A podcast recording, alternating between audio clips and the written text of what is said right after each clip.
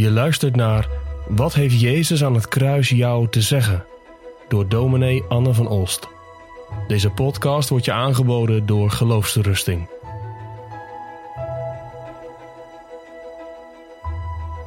Het laatste kruiswoord gaat over het sterven van de Heer Jezus Christus. En je vindt het in Lucas 23 en daarvan vers 46.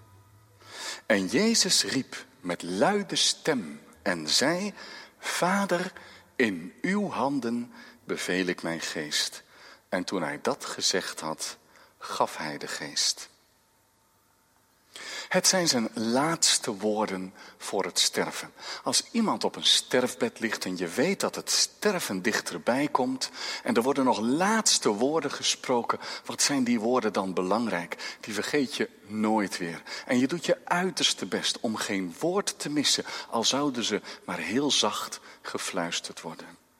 Soms worden ze heel bewust gesproken om nog even iets mee te geven voor de geliefden die bij het sterven aanwezig zijn. Het is misschien een vreemde vraag. Misschien vind je het zelfs wel lastig om erover na te denken. En toch stel ik hem, wat zou jij dan willen zeggen? Wat hebben we dan nog te zeggen? Zoveel woorden die we gewend zijn misschien dag in dag uit te spreken zijn dan hol geworden. Misschien denk je daar niet zo graag aan. Aan de laatste woorden voor je sterven. Misschien ben je wel bang voor de dood. Is de Heer Jezus eigenlijk ook bang geweest? Bang om te sterven? Zou het niet?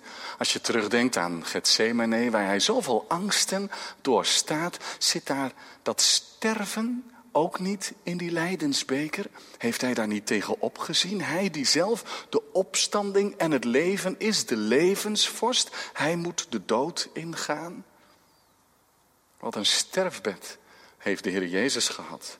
Niemand die zijn lippen bevochtigt. Niemand die het zweet wegveegt. Niemand die troost of zijn hand vasthoudt. Hoe ga je dan de dood in? Hoe gingen gekruisigden de dood in? Misschien wel vloekend en tierend, maar uiteindelijk aan de uitputting ten onder, stikkend. Maar Jezus bidt. Is het niet uh, prachtig om te zien in het evangelie naar Lucas dat het eerste kruiswoord en het laatste kruiswoord een gebed is die met Vader begint. Midden in die kruiswoorden staat dat woord van de Godverlatenheid. Mijn God, mijn God, waarom hebt u mij verlaten? Maar wat is er een sterke band met de Vader bij dat eerste kruiswoord? Vader, vergeef het hun. Maar ook hier bij dat laatste kruiswoord. Het begint ook weer met Vader en het is een gebed. En nu is alles volbracht. Alles is gedaan.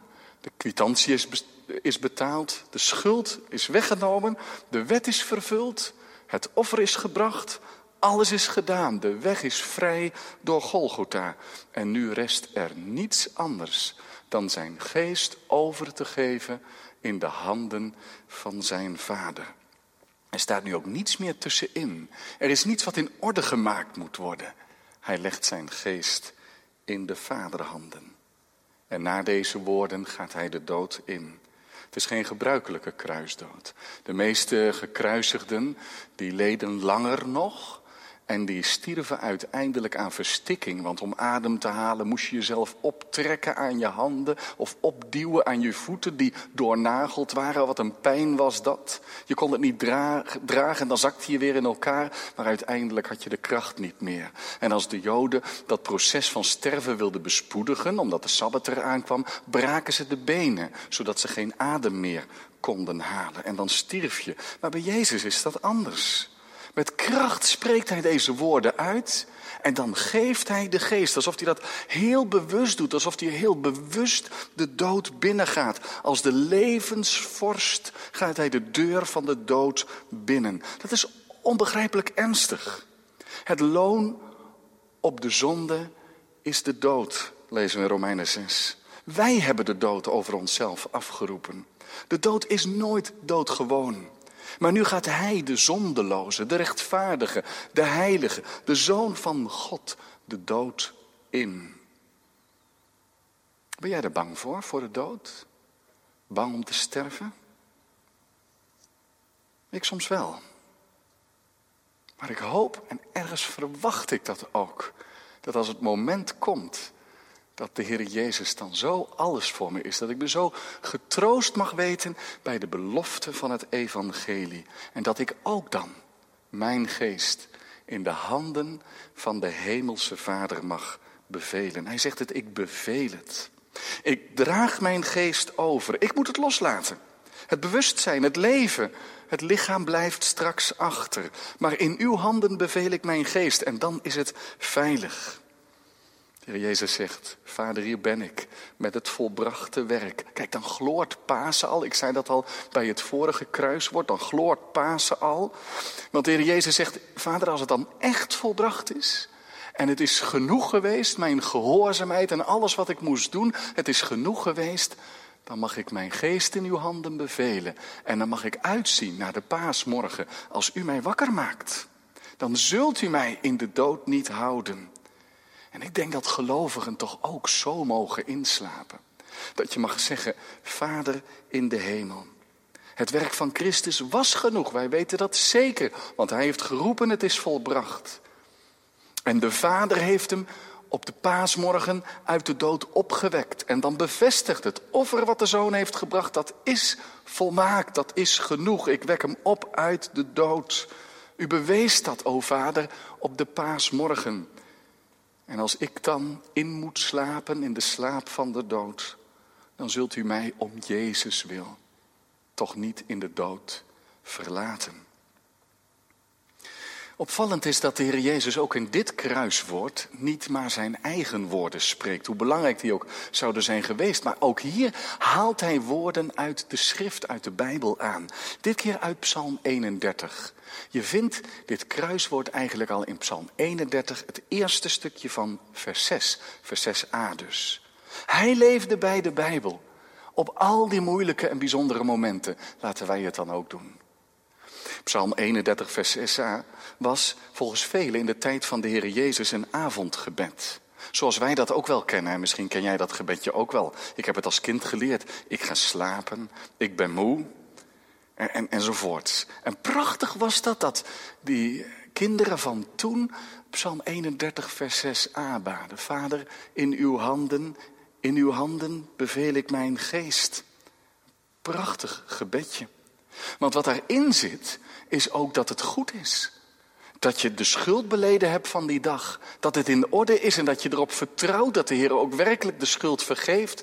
En dat je in zijn liefde en vrede mag leven. En dan mag het laatste zijn wat je nog zegt voordat je gaat slapen. In uw handen beveel ik mijn geest. Ik vertrouw mij aan u toe. Prachtig hè, om zo te gaan slapen. Ik denk dus dat er een grote kans is dat Jezus er ook mee is opgevoed. Altijd dat bidden. Of je nou een mooie dag hebt gehad, een fijne dag, of, of je hebt een heel moeilijke dag gehad. Zelfs nu. Zelfs nu. Aan het einde van het kruislijden.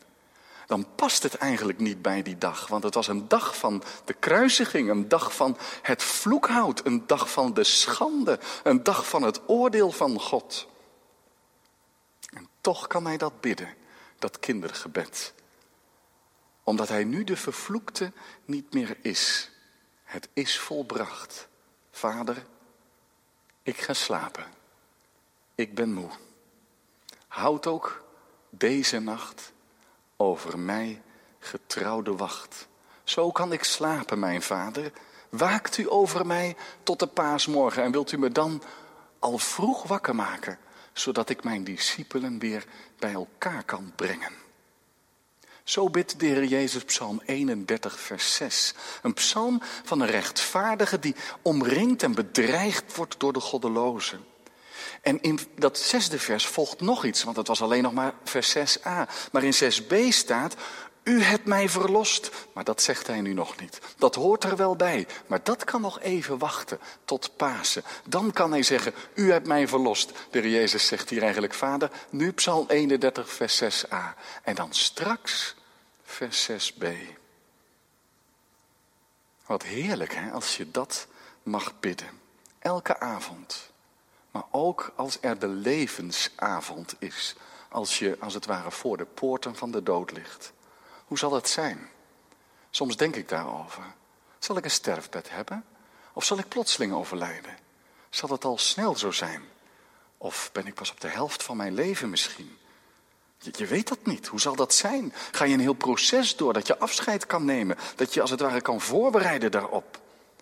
Eén ding is maar belangrijk: dat je nu reeds en dan ook dan mag leven bij die vaste belofte van het evangelie. En bij dat werk wat de Jezus Christus heeft volbracht. En uiteindelijk bij de eeuwige liefde van de eeuwige God. Dan mag ik me vasthouden, ook dan. Dan mag ik ook nu toch al vertrouwen. Ook dan aan dat woord van God en aan zijn belofte. En dan weten we toch dat hij het waar zal maken. Dan hoop ik, dan bid ik, dat ik nu en dan mag leven in dat kinderlijke geloof dat kinderlijke vertrouwen en mijn geest mag leggen in de handen van mijn hemelse Vader. Doe mij dankbaar en gezond opstaan in de morgenstond. Die morgenstond, eenmaal, als het opnieuw Pasen wordt, de graven opengaan. De doden groot en klein voor God staan. En de gelovigen ingaan in dat hemels koninkrijk, de nieuwe hemel en de nieuwe aarde. Dan wordt het nog eens Pasen. Bij het eerste kruiswoord vertelde ik over Stefanus. En ik doe het nu opnieuw. Hij had een heel erg sterfbed. Wie had dat kunnen denken? Maar hij had zijn leven over voor de verkondiging van Jezus Christus. Hij werd gestenigd. En terwijl hij gestenigd werd, zei hij nog twee dingen. Heere Jezus, ontvang mijn geest. Dat is de navolging van Jezus tot de laatste snik. En daarna nog, Heere, reken hun deze zonde niet toe. Die twee horen trouwens bij elkaar. Leven uit zijn vergevende liefde en dan ook in een vol en kinderlijk vertrouwen op je hemelse Vader. En hij zegt dan, Heer Jezus, ontvang mijn geest, want dat is mijn hoop.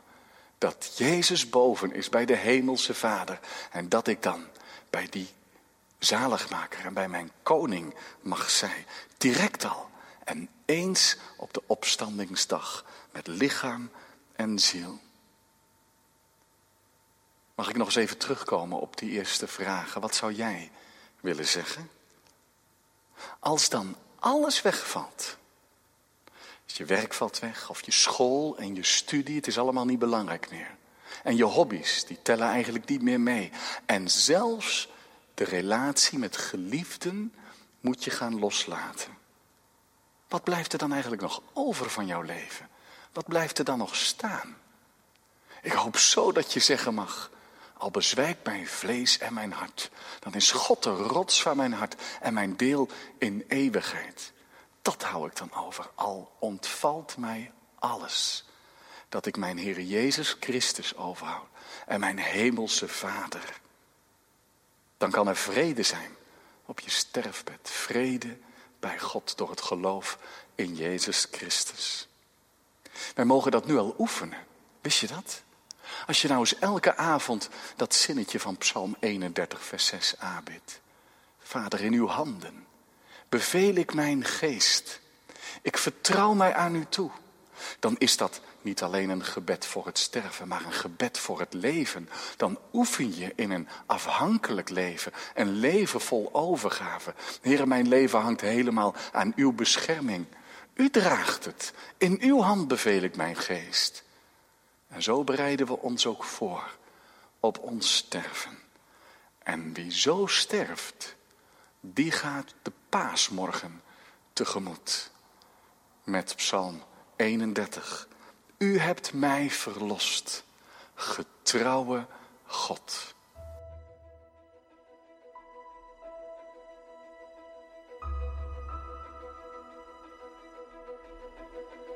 Je luisterde naar een podcast van Geloofsterusting. Wil je meer luisteren, lezen of bekijken? Steun dan onze missie en ga naar de website geloofsterusting.nl.